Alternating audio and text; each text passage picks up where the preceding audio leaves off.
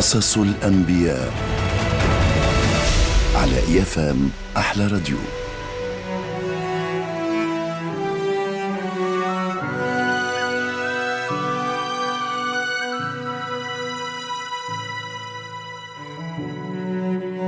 قصة اليوم هي على سيدنا نوح عليه السلام.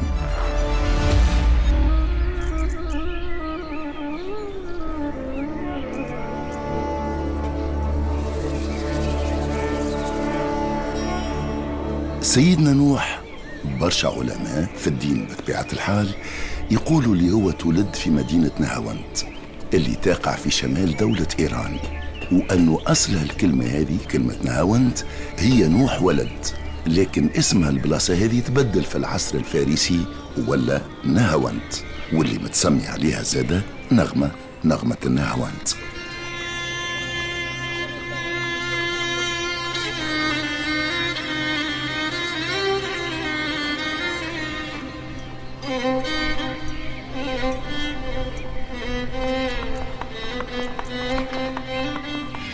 سيدنا نوح هو الحفيد السادس وإلا السابع لسيدنا آدم عليه السلام.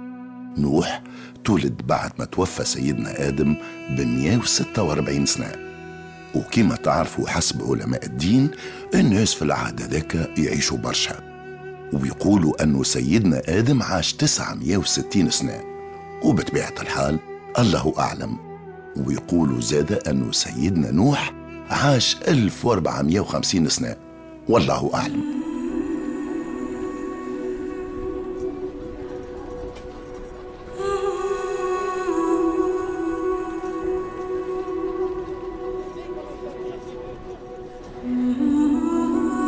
قصة سيدنا نوح بدات وقت اللي توفاو خمسة من الناس من القوم متاعو الخمسة هذوما هما ود ويهوث وسواع ونسرة وفي رواية أخرى ويسرى ويعوق. قوم نوح كانوا كلهم مسلمين بدون إسلام بطبيعة الحال. مسلمين معناها مسلمين أمرهم لله وما يشركوش بيه. لكن هكا الخمسة اللي توفاو واللي منهم ود كانوا صالحين ومتقين برشا. الناس حزنوا عليهم حزن كبير. حزنوا عليهم على خاطرهم كانوا قدوة في التعبد والتقوى. والقوم الكل تألموا على فراقهم وبكاوا عليهم وديان متاع دموع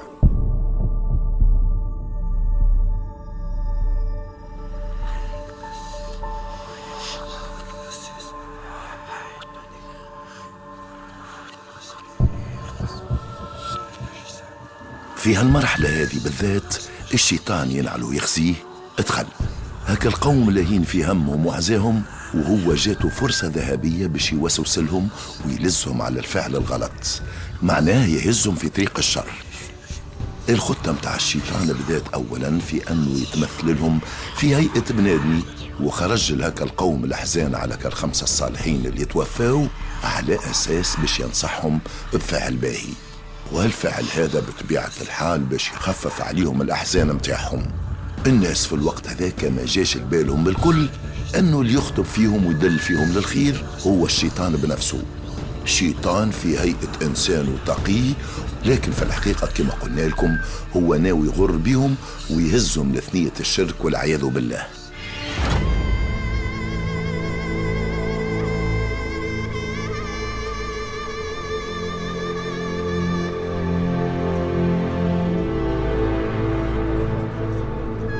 يقول القائل إشنية نصيحة اللي نصح بها الشيطان هالقوم هذا قال لهم اللي هو قادر باش يصنع لهم تصاور وتماثيل لهك الخمسة الصالحين اللي توفاوا وشنو المبرر حسب رأيكم؟ المبرر هو أن وقت اللي الناس يشوفوا التصاور والتماثيل متاعك الخمسة الصالحين اللي ماتوا يتذكروا التقوى والصلاح متاعهم وينسجوا على منوالهم. خلاصة القول يعمل لهم تماثيل وتصاور وكي يشوفوهم الناس يتفكروا العبادة. وفي الحقيقة النصيحة متاع إبليس كانت في ظاهرها باهية والناس المساكن قبلوا بها النصيحة هذه. وهذاك هو اللي صار. الشيطان صنع التصاور والتماثيل متاع ود ويغوث وسواع ويعوق ونسرة وحط كل تمثال وصورة في البلاصة اللي كان يقعد فيها كل واحد منهم.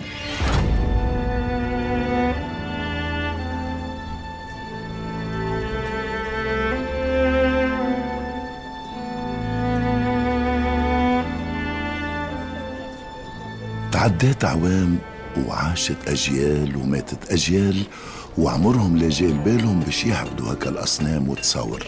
بالعكس كانوا كل ما يتعداوا بحذاهم يذكروهم بالخير ويتفكروا كيفاش كانوا ناس متقين وموحدين لله. الشيء اللي خلاهم يزيدوا يتعبدوا ويصلحوا من حالهم. كيما توا في العصر متاعنا اللي يقرأ على سيرة الأنبياء والصالحين يتعظ منهم ويزيد ينقاد للطاعة والعبادة.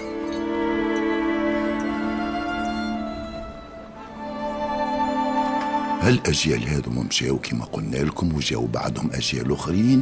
أجيال جديدة تولدوا وشافوا هالتماثيل والتصاور لين وصل بهم الحال أنهم ما عادش يتساءلوا عليهم. ولهنا جاء الوقت اللي الشيطان باش ينفذ فيه الجزء الثاني متاع الخطة متاعه الجهنمية خطة أنه يدفع الناس للشرك بالله.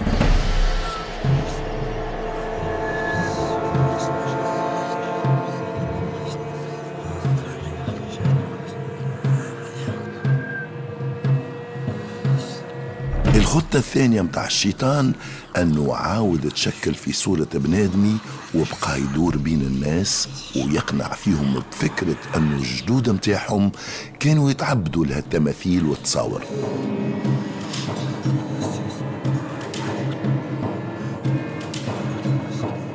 بدا يحكي لهم ويفهم فيهم ويقنع فيهم انه الجدود متاعهم كانوا وقت اللي يحبوا المطر باش تصب وإلا يجلبوا الرزق وإلا يدفعوا الخطر والمرض يمشيوا لك الخمسة أشخاص المجسمة في أصنام ويدعيوا لهم ويعبدوهم من غير ما يطلبوا ربي. وفيها الحقبة هذه بالذات ظهر أول مرة الشرك بالله على وجه الأرض.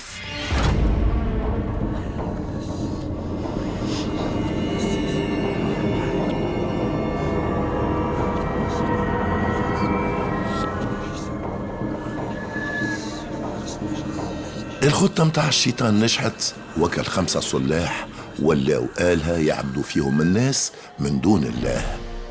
ولهنا ربي سبحانه وتعالى بعث سيدنا نوح عليه السلام. أرسلوا للقوم متاعه باش يرجعهم على الشرك ويوحدوا بالله ويمنع الفساد اللي تنشر في الأرض.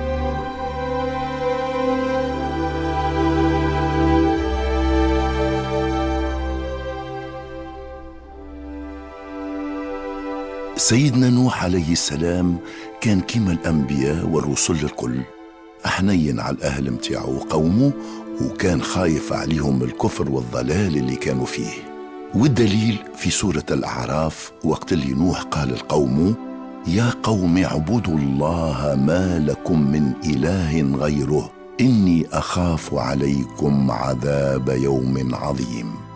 صدق الله العظيم.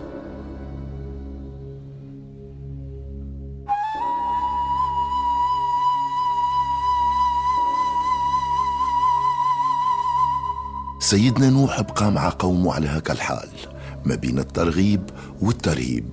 حاول باش يرجعهم على الشرك بالله ويقنعهم أنهم يتركوا عبادة الأصنام اللي لا تنفع ولا تضر.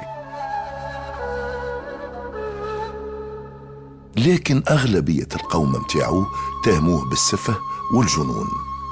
ولهنا قلنا أغلب القوم متاعو مش الكل.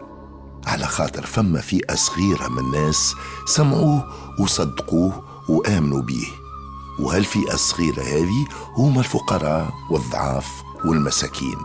وكما تعرفوا أقرب الناس إلى الله هم الفقراء.